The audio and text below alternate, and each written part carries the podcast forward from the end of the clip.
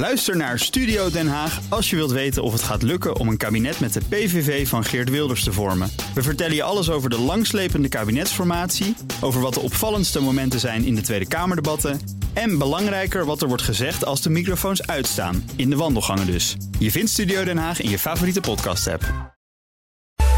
De BNR Techniek Tour wordt mede mogelijk gemaakt door Techniek Nederland. De ondernemersorganisatie voor de installatiebranche en technische detailhandel. BNR Nieuwsradio. De BNR Techniek Tour. Thomas Schuurman. Ik, ik wou u allemaal bedanken voor echt de fijnste dag en nacht in mijn leven. Heel hartelijk dank. Fijne mensen in de rij, fijne mensen in het land, fijne winkeliers en iedereen. Met een wereldberoemde uitzending in Nederland, waar jonge Mies Bouwman floreerde, werd in 1962 22 miljoen gulden opgehaald voor het dorp. Toen de meest moderne plek voor mensen met een beperking in Arnhem. 12.500 gulden in emmers van een motorenfabriek uit Friesland. Duitse kanteldeuren krijgen we in ons dorp. Oh, krijgen een barometer van het KNMI in de Ruim beeld. 50 jaar later staat die gedachte overeind. Een nieuw Het Dorp wordt nu een wijk waar mensen met een beperking samengaan met het volk. In duurzame en hypermoderne appartementen. Technologie en innovatie zijn onlosmakelijk aan elkaar verbonden. Mensen met een beperking willen niet gedwongen afhankelijk zijn van derden. De thuiszorg verandert door vergrijzing, personeelstekorten en mondige patiënten of naasten. Terwijl zorginstellingen en overheden kosten drukken. In deze uitzending van de BNR Techniek horen we hoe techniek een helpende hand biedt. Maar ook hoe techniek nog wel eens een ver van het ziekenhuisbedshow is. We gaan eerst naar de jaarbeurs, waar op de beurs Zorg en ICT onder meer multitechnisch dienstverlener SPI een steentje heeft. Zij werken mee aan het dorp 2.0. En daar praten we met Han-Michiel Verroen. Nou, wat er nu staat zijn woningen laagbouw. Maar ook met hele lage plafonds. Ja, rond de 2 meter. eh 2 meter 10. Benauwend. Heel benauwend, zeg maar. En nu worden het ruimtelijke appartementen multifunctioneel. Waarin en ruimte is voor revalidatie. Maar ook ruimte is voor langdurig wonen. eh, met hulp of zonder hulp. Waarbij de eh, faciliteiten die geboden worden modulair kunnen worden ingebracht. Zeg. Want het ziet er heel vrij uit, hè? Maar het heeft dus vooral ook een, een duurzaam karakter. Zeker. Het is eh, ehm, ja, in de laatste standaarden gebouwd. Dus dat moet eh, klimaatneutraal moet dat gebeuren. Eh, dat heeft natuurlijk ook nadelen. Ehm, want als het eh, eh, zo duurzaam gebouwd is, ehm, kan de connectiviteit, die er natuurlijk nodig is om in de nieuwste snufjes alles eh, qua alarmen en qua ehm, zaken af te handelen, ja, kan niet goed doorkomen. En dat is nou net een reden waarom ook wij zijn ingeschakeld. 14 appartementencomplexen met daarnaast ook normale woningbouw. Gehandicapten maken onderdeel uit van de samenleving. Wat zijn er oplossingen waardoor je je eigen leven veel meer zelf kunt organiseren? En connectiviteit dus. Alles moet samenwerken. Beheer is belangrijk, je moet overal goed bij kunnen. Ja, zeker. Eh, het signaal eh, moet je eh, wel binnenkrijgen. En tegenwoordig wordt het 4G-dekking en het wordt straks 5G-dekking. In het nieuwe dorp 2.0 hebben we natuurlijk 5G-dekking. Ja. Nou, dat moet binnen blijven komen. Zowel en eh, als je wil alarmeren, ja, moet dat veilig gebeuren. En wij zorgen er ook voor dat de indoor coverage ja, em, eh, geregeld wordt. Ja, maar u begon er al een beetje te lachen. Dat was niet een, eh, een simpel 1-2'tje bij dit project. Nee, want je hebt te maken met meerdere providers. Je hebt te maken met driedubbel glas, wat zeg maar het signaal tegenhoudt. En wij zorgen ervoor met slimme systemen dat het blijft werken, zeg maar. In hoeverre zijn het nou technische hoogstandjes, dit soort projecten? Eh, aan zich zijn het eh, geen technische hoogstandjes, maar alles bij elkaar is de complexiteit enorm. Wat eh CISA heeft gedaan, wat ze denk ik goed hebben... Zorginstellingen hè, die daar de zorg verleent. Zeker. Ehm, hebben ze 84 scenario's geschetst. waarin ehm, gekeken wordt in de dag voor cliënten ehm, wat er allemaal moet gebeuren. En dat wordt dan ondersteund zoveel mogelijk met techniek. Om de zelfredzaamheid van die cliënten ja, te waarborgen en te vergroten. Wij zijn vooral betrokken bij de medische-achtige componenten. Maar er zijn ook een heleboel partijen die bezig zijn met aanpassingen in de keuken. Of aanpassingen in de zonwering. Of aanpassingen met bewegingsmelders en dergelijke. Dan zijn we toch eigenlijk een eigenaardig volk, hè? Ja. Dat ben je zo mee weten. Zeggen, nou, we hebben, we hebben vijf zuilen, 36 godsdiensten, 147 politieke partijen. één bedrag en één dorp. Dat is toch eigenaardig dat het kan? Fantastisch, hè? Vindt u niet dat dat een applaus waard is? Dat is een applaus. Applaus! Volk. Maar, maar u laat me niet helemaal uitspreken, want ik wou erachter zeggen... we hebben ook één Mies Bouwman. Dat moet ik ook even Ah, dat is dank Zo hebben we bijvoorbeeld een, een tablet waarmee je, ook al kun je slechts alleen nog maar je oog eh, gebruiken, waarmee je je hele huis in beweging kunt zetten. Dat geldt voor een wc, dat geldt voor de voordeur, dat geldt voor de ramen, dat geldt voor het licht. En dat geldt ook zelfs voor een keuken. Zo is er een boel techniek. En het kan nog mooier. Ik weet dat ze heel erg actief zijn bij CISA, dus de zorginstelling met robotisering. En nou, een paar jaar geleden geloofde ik daar niet zo in. Maar ik zie nu toch toepassingen voorbij komen waarvan ik denk... nou, daar had ik niet aan kunnen denken dat dat toch ja, eh, zou kunnen werken. In Wat plaats gaan we van- hier zien dan? Ehm, eh, er zijn robots die helpen met de was in de wasmachine te doen. Er zijn eh, robotarmen voor mensen die heel beperkt zijn om eh, zelf te kunnen laten drinken, zelf te kunnen eten met die robotarm. Ja, daar heb je dus allemaal geen hulp meer nodig ehm, van ehm, zorgpersoneel. Ja. Nou, Naar de wc gaan. Naar de wc gaan, ja, dat wil eh, niemand zeg maar, automatiseren, denk ik. Als het zou kunnen, graag, maar dat heb ik nog niet eh, meegemaakt. Het nieuwe van dit concept is dat het met een aantal partners gedaan wordt... in een werkwijze waarin wij bijvoorbeeld één keer in de week in het dorp samenkomen... om dingen samen te ontwikkelen. Want normaal gesproken doe je een tender en, en dan ga je iets maken. We, sta- we staan hier op die beurs, maar als je al die verschillende ontwikkelingen die hier gaande zijn bij elkaar zou voegen, dan ben je klaar natuurlijk. Ja, dat op dit moment wel, maar over drie jaar niet meer, want dan zijn er weer nieuwe ontwikkelingen. Het gaat tegenwoordig zo snel dat, het, eh, ja, dat, dat, je daar, eh, dat je het niet bij kan houden. Ja, de ontwikkeling gaat snel, met de toepassingen ervan, dat loopt nog wel eens achter, geloof ik. Juist, absoluut. Het eerste gebouw is vele jaren na de eerste bouwplannen inmiddels casco klaar. Over vijf jaar moet het nieuwe dorp klaar zijn. U hoorde Han-Michiel Verroen van Spie. Verlaten we de drukte van de jaarbeurs, waar het trouwens ook echt druk was... en gaan we naar het Brabantse Sint-Oederode. Mijn naam is Rob Mandekers, ik ben directeur-eigenaar van Consist. Consist levert techniek aan met name de zware ouderenzorg. Waar meer nodig is dan huis, tuin en keukenzorg. Mannegus benadrukt dat niet de techniek voorop staat, maar het proces. Wat is nu eigenlijk nodig? We hebben eigenlijk ervaren de afgelopen jaren, we zijn al een behoorlijke tijd mee bezig, dat eh, technologie in het zorgproces, dat is, eh, dat is niet altijd even makkelijk.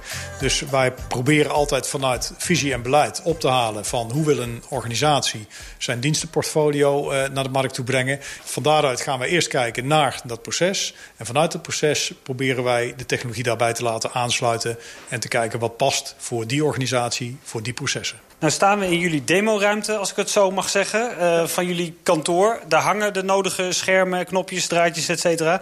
Wat is dan toch iets wat jullie op dit moment veel toepassen? Uh, wat we heel veel toepassen um, is eigenlijk intramuraal uh, de leefcirkels. Wat is dat? In Intra gewoon Nederland? Uh, intramuraal of leefcirkels? Allebei? Allebei. Intramuraal is eigenlijk de zware zorgzetting, dus de verpleeghuizen.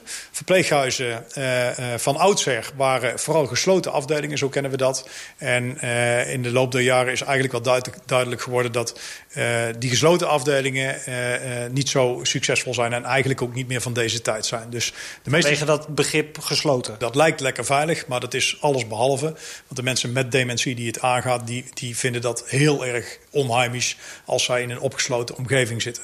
Nou, wil je dat doen, moet je dus eerst vanuit visie en beleid daar processen voor ontwikkelen. En eh, dan kunnen wij met technologie, en dat heet dan leefcirkels, gaan kijken van nou, je gaat op de individu afstemmen. Uh, wat een individu wel en wat een individu, hoe, hoe ver iemand kan komen in zijn vrijheidsgraad. Ja, dus wel of niet de deur uit mag. Uh, nou, de deur uit mag. Ons uitgangspunt is eigenlijk moet het uh, zo zijn dat het, dat het allemaal open is. En dat je daarop gaat organiseren. Maar er zijn natuurlijk... Uh, dat is gezegd niet... of de deur wel of niet gesloten blijft dus. Exact, exact. Eigenlijk ga je ervan uit, ik ga organiseren alsof die deur open is. En wat heb ik dan nodig aan proces? Wat heb ik dan nodig aan ondersteunende technologie? Daarop ga je organiseren en afstemmen op de individu. Bewoners moeten zelf een appartement in en uit kunnen met een polsbandje. Voor het buitenslot ligt het anders. Daar waar ook veel om te doen is. Die kastjes die werken stigmatiserend. Hè. Die hangen aan de voordeur. En uh, ja, het uh, criminele circuit uh, is dat natuurlijk een, een, aantrekkelijk iets. Want hier is iemand die hulpbehoevend is. En die zouden daar misbruik van kunnen maken. En dat gebeurt ook? Dat gebeurt ook. Nou zijn er overigens wel gradaties in die sleutelkastjes. Dus het is niet zo dat het allemaal niet goed is. Maar het is wel stigmatiserend. Nou, wat staat hier dan? Nou, hier hebben wij een oplossing waarbij de deur eenvoudig aangepast kan worden. Dus de cilinder van de deur wordt vervangen door een slot wat uh, elektronisch uh, bediend kan worden door de app. En dat is dezelfde app waarmee de zorg uh, de oproepen binnenkrijgt of de oproepen kan afhandelen. Of de mantelzorger, want het is natuurlijk niet altijd zo dat een zorgprofessional beschikbaar is. En die kunnen dan toegang tot de woning krijgen. Dit is eigenlijk wat we van oudsher kennen als bedmat. Alleen dit is een moderne bedmat en wij noemen dat een bedsensor. En uh, ondanks het feit dat het een beetje een negatieve naam heeft, maar vaak zie je dat uh, vanuit de technologie er gekeken wordt naar camera's, naar allerlei uh, technische middelen om te monitoren. Ik ben daar niet tegen, maar wij beginnen altijd gewoon met de basis. Hè? Iemand die in een verpleeghuis woont en s'avonds naar bed toe gaat. Als je een goed dagprogramma hebt, dan slaapt hij in principe s'avonds. Uh, natuurlijk wil je wel uh, de veiligheid kunnen garanderen. Dus hoe weet je nou hè, uh, dat iemand veilig in bed ligt? Nou, deze bedsensor die meet niet alleen of iemand wel of niet in bed ligt... maar die meet ook de levensparameters. Hè. Dus het komt ook wel eens voor dat mensen overlijden. nou, dat is heel vervelend op het moment dat je dat, dat, dat onaangekondigd... Het is over de hartslag die die ook meten? De hartslag, ademhaling wordt allemaal gemeten. Ja. Dat zijn uh, uh, belangrijke parameters. Maar het allerbelangrijkste is dat je gaat kijken... wil ik weten als deze bewoner uit bed komt? Want als iemand uit bed komt en even een plas maakt s'nachts... en weer terug in bed kruipt... Ja, dan zou je het eigenlijk niet hoeven weten. Je zou ook kunnen zeggen... die bedmat die is er alleen om te detecteren... als iemand langer dan bijvoorbeeld een half uur uit bed is. Mm en dan uh, creëer je een omgeving waarbij je zegt van... er is allerlei techniek om te monitoren... maar wil ik wel monitoren? Je kunt alles wel in het huis gooien, maar eh, heeft dat wel zin? Exact. Allemaal techniek, allemaal mensen, instellingen die helpen. Eén dossier zou fijn zijn. U weet alleen, het elektronisch patiëntendossier komt bepaald niet van de grond. Maar dat is niet helemaal waar. BNR Nieuwsradio. De BNR Techniek Tour. We hebben het over techniek in de thuiszorg. Ik ben uh, Laurens van der Tang directeur van Philips Vital Health. En ze maken een software-systeem voor mensen die thuis zorg nodig hebben. Waarmee thuiszorg ondersteund wordt of waarmee wijkzorg ondersteund wordt. Uh, maar waarmee ook uh, de mantelzorgers rondom iemand die zorg nodig heeft... Uh, gegevens met elkaar kunnen, kunnen delen. Dus waarmee het hele zorgnetwerk rondom iemand thuis die zorg nodig heeft ondersteund wordt. Iedereen heeft beschikking over dezelfde informatie als de patiënt daar uiteraard toestemming voor geeft. Kijk, veel systemen die er op dit moment zijn... die de laatste 20, 30 jaar uh, ontwikkeld zijn... die zijn echt ontwikkeld voor één specifieke zorginstelling. Uh, terwijl in werkelijkheid bij mensen thuis zijn er vaak meerdere zorginstellingen betrokken... die allemaal een stukje van de zorg doen. De huisarts, de wijkverpleegkundige, de thuiszorg. Morgen. Goedemorgen, buurtzorg. Ben nog niet wakker.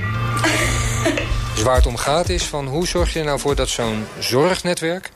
rondom iemand die thuis is en die zorg nodig heeft... dat je dat optimaal uh, faciliteert. Het zorgplan dus. De juiste medicatie, niet onbelangrijk. Wie heeft dat gedaan? Uitgangspunt is en blijft dat de patiënt toestemming geeft. En die mogelijkheden zijn steeds uitgebreider. Kijk, de technologie heeft ook niet stilgestaan. He, dus er is nu ook heel veel beschikbaar... waardoor je dat ook weer makkelijker nu kunt realiseren... dan dat je dat vroeger kon. Mm. bijvoorbeeld, er zijn nu meer standaarden... waardoor je makkelijker informatie kunt, uh, kunt uitwisselen. Uh, er is de cloud. Je, je kunt iets ergens centraal neerzetten. En het kan dan door heel veel mensen uh, gebruikt worden. En je kunt dan toch die gegevens nog veilig opslaan. Ja. ja. dat zijn allemaal mogelijkheden die je nu hebt... die er tien jaar geleden niet waren. Maar waar andere mensen ook nog steeds misschien wel bij kunnen komen. Want dat is natuurlijk het grote thema van het EPD. Hè? Uh, de privacygevoeligheid. Uh, mensen die er naar kunnen kijken die er niet naar zouden mogen kijken. Hoe voorkomt u dat dat bij u gebeurt? Nou, dat, daar gebruik je ook veel slimme technologie voor. He, dus bijvoorbeeld gegevens worden versleuteld, opgeslagen...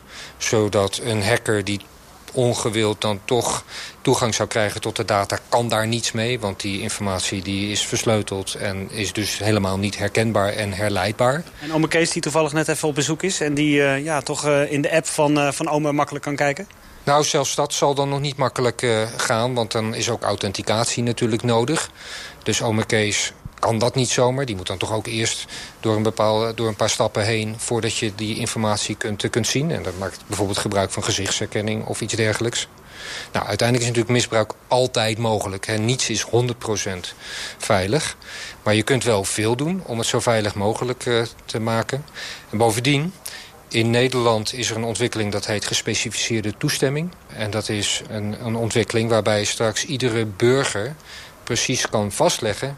van welke informatie mag nou van mij, welke medische informatie van mij... mag nou met wie gedeeld worden. Dit jaar gaan ze er de markt mee op en er zijn al instellingen die het willen hebben. Het toeval wil, tussen aanhalingstekens, dat natuurlijk in Nederland al een tijdje wordt gesproken... over het elektronisch patiëntendossier, het EPD. Dat wil bepaald niet van de grond komen.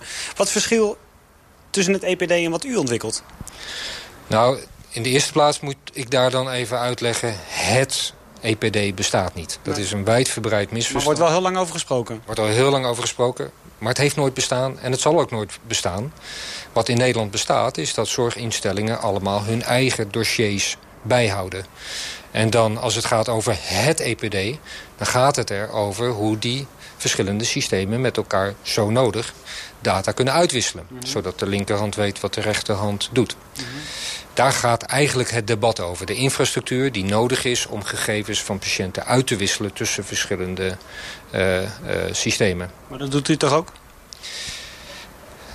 Uh, ja, maar dan heb ik het over een stukje nationale infrastructuur... wat er moet komen. En dat, dat gebeurt ook. Hè. Er is zoiets als het landelijk schakelpunt. Daar wordt nu al veel informatie mee uitgewisseld... zoals bijvoorbeeld medicatieinformatie. Maar daarnaast heb je dus behoefte ook aan systemen... dicht bij de patiënt... die van een patiënt de relevante informatie... of van een burger de relevante informatie bijhouden... die thuis zorg nodig heeft. En dat is dan wat wij doen. En dan sluiten we weer aan op zo'n nationale infrastructuur. Zo'n, zo'n... meer op microniveau? Ja, zo zou je het kunnen zeggen.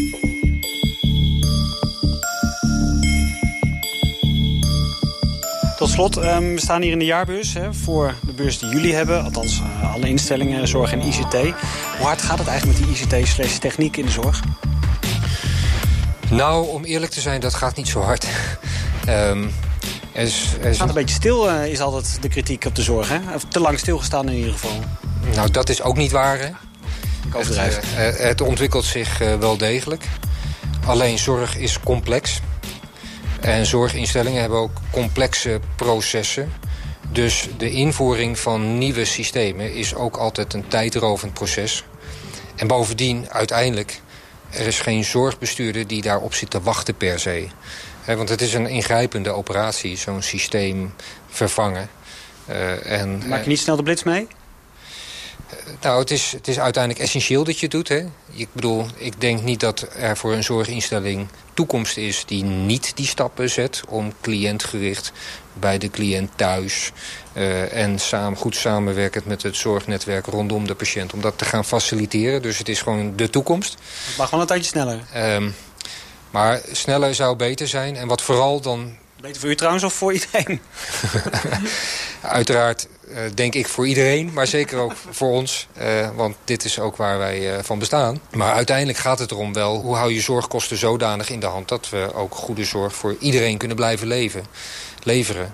Daar moet je moderne technologie bij, bij gebruiken om dat te kunnen doen. En vergeet ook niet wat ja, de Apples van deze wereld allemaal aan het doen zijn. Hè? Dus al het feit dat je smartphone ook allerlei medische functies begint te krijgen... die je dan ook weer kunt gebruiken en die je kunt integreren... maakt ook dat het goedkoper en laagdrempeliger wordt... om uh, ja, ook weer zorg uiteindelijk in je eigen omgeving goed te kunnen te ondersteunen. Het mag allemaal dus wel een tandje sneller, zegt Laurens van der Tank van Philips Vital Health. Nu maar hopen dat oma haar tanden niet stuk buit op al die nieuwe technologie. En daarmee gaan we terug naar Rob Mandigers, die we in het eerste deel al hoorden. Hij kijkt vooral wat voor zorg nodig is. Voordat techniek om de hoek komt kijken. Hallo, ik ben Zora. Ja, dat is duidelijk. Ik ben helemaal opgestart en klaar voor gebruik. Via de welbekende robot Sora bijvoorbeeld. Mijn hotspot is Sora Hotspot anders. Hij kan dus ook gebruikt worden, eh, hè, want ik geef net aan... het is een fantastische dynamische prikkel om mensen in beweging of in actie te krijgen... of iets te laten beleven. Maar eh, ook de fysiotherapeut vindt het heel erg leuk... want Sora kan bepaalde oefeningen voordoen. En eh, daarmee gaan mensen dat nadoen... en kan de fysiotherapeut zich richten op de bewoners. Weer waar? Ja. Hey, en als ik nou uh, thuis uh, mantelzorger wil worden voor mijn uh, moeder die bijvoorbeeld gaat demonteren, wat voor techniek heb ik dan allemaal nodig? Ja, waar je op uit bent is, het, het, het gaat eigenlijk helemaal niet om die technologie. Technologie is een ondersteunend middel. Waar ik een beetje wars van ben, en dat is waarschijnlijk ook waar je op doelt, is dat in Nederland is er een behoorlijke technologiepush. die wordt ook gestimuleerd vanuit allerlei subsidies en beleidsregels. Maar uiteindelijk gaat het om de geïntegreerde aanpak. Je moet eerst kijken van wat is nodig in proces en hè, wat doe ik vanuit visie en beleid om iets georganiseerd te krijgen? En van daaruit ga je kijken welke technologie kan daarbij helpend zijn. Ik denk dat, dat er dan ook veel technologische ontwikkelingen zijn die niet bruikbaar zijn?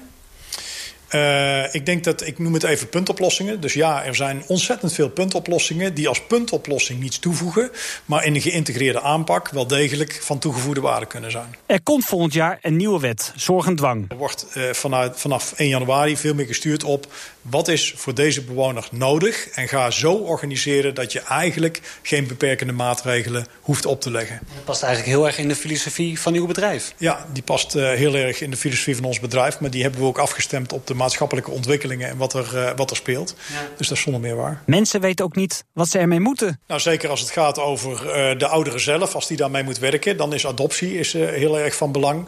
En dat gaat bij de ene ouderen beter als bij de andere, maar dat lost zich in de loop der tijd op. Hè, want de 70-plusser is al veel meer die technologie geadopteerd dan een 80-plusser, bij wijze van spreken. Ja, en, en gewoon vanuit het, de personeelskant, zeg maar, want daar, daar zijn jullie ook nadrukkelijk mee bezig natuurlijk. Staan die er wel open voor? Ik bedoel, of zouden ze er open voor moeten staan? Of opener? Weet je zoiets? Mensen die voor zorg hebben gekozen zijn per definitie geen mensen die voor techniek hebben gekozen. Hoewel er wel uh, opleidingen zijn die steeds meer die uh, werelden bij elkaar brengen.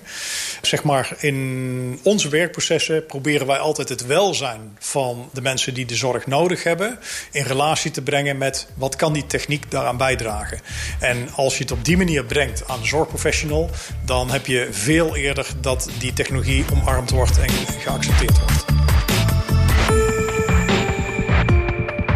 Die technologische ontwikkelingen, ontlasten die de mensen in de zorg? Nou, ik denk inderdaad heel vaak niet. Uh, want dat begint met visie en beleid. Het begint met hoe creëren wij uh, uh, in, in, onze omgeving... Hè, als ik dan doel op verpleeghuizen... hoe creëren wij een omgeving die geschikt is voor de mensen... die wij hier huisvesten met de beperkingen die zij hebben. We zien dat verpleeghuizen steeds meer bewoners met dementie gehuisvest worden... en daar zul je op moeten gaan organiseren. Als je alleen techniek erin zet... zonder dat de werkprocessen en zonder dat vanuit visie en beleid bepaald wordt... wat die techniek moet gaan brengen... dan gaat dat absoluut geen succes worden. Ziet het er leuk uit dat je allemaal nieuwe fancy dingen hebt, maar je hebt er niks aan? Maar je hebt er niks aan. Ik kan me ook zo voorstellen dat uh, uh, een bewoner of de zorgprofessional uh, helemaal niet geïnteresseerd is om de techniek te zien. Het gaat erom, kan ik mijn werk doen en kan ik, draagt het bij aan de kwaliteit van leven van de bewoners waar ik voor moet zorgen. En kan ik mijn werk doen is dan vooral van, kan ik die mevrouw of meneer goed helpen? Ja, exact. En wat heel belangrijk is voor de, voor de zorgprofessional is dat zij uh, zeg maar de geruststelling hebben dat de veiligheid van die bewoner gegarandeerd is. Nou, in het kader van wet zorg en dwang, waar we al even over gesproken hebben, hè, ja. dat, dat gaat meer naar meer vrijheid, meer open deur, minder beperkingen uh, opleggen.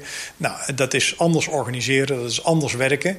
En uh, ik ben ervan overtuigd dat het het vak leuker kan maken, maar je moet daar wel op gaan organiseren. Ja. En dat is waar veel zorgorganisaties nog mee struggelen op dit moment. Rob Mandigers van Consist. En daarmee zit deze techniek toe erop. Terugluisteren kan natuurlijk via de app of iTunes. Volgende week weer een nieuw technisch hoogstandje. Dan gaan we de Bietenbrug op.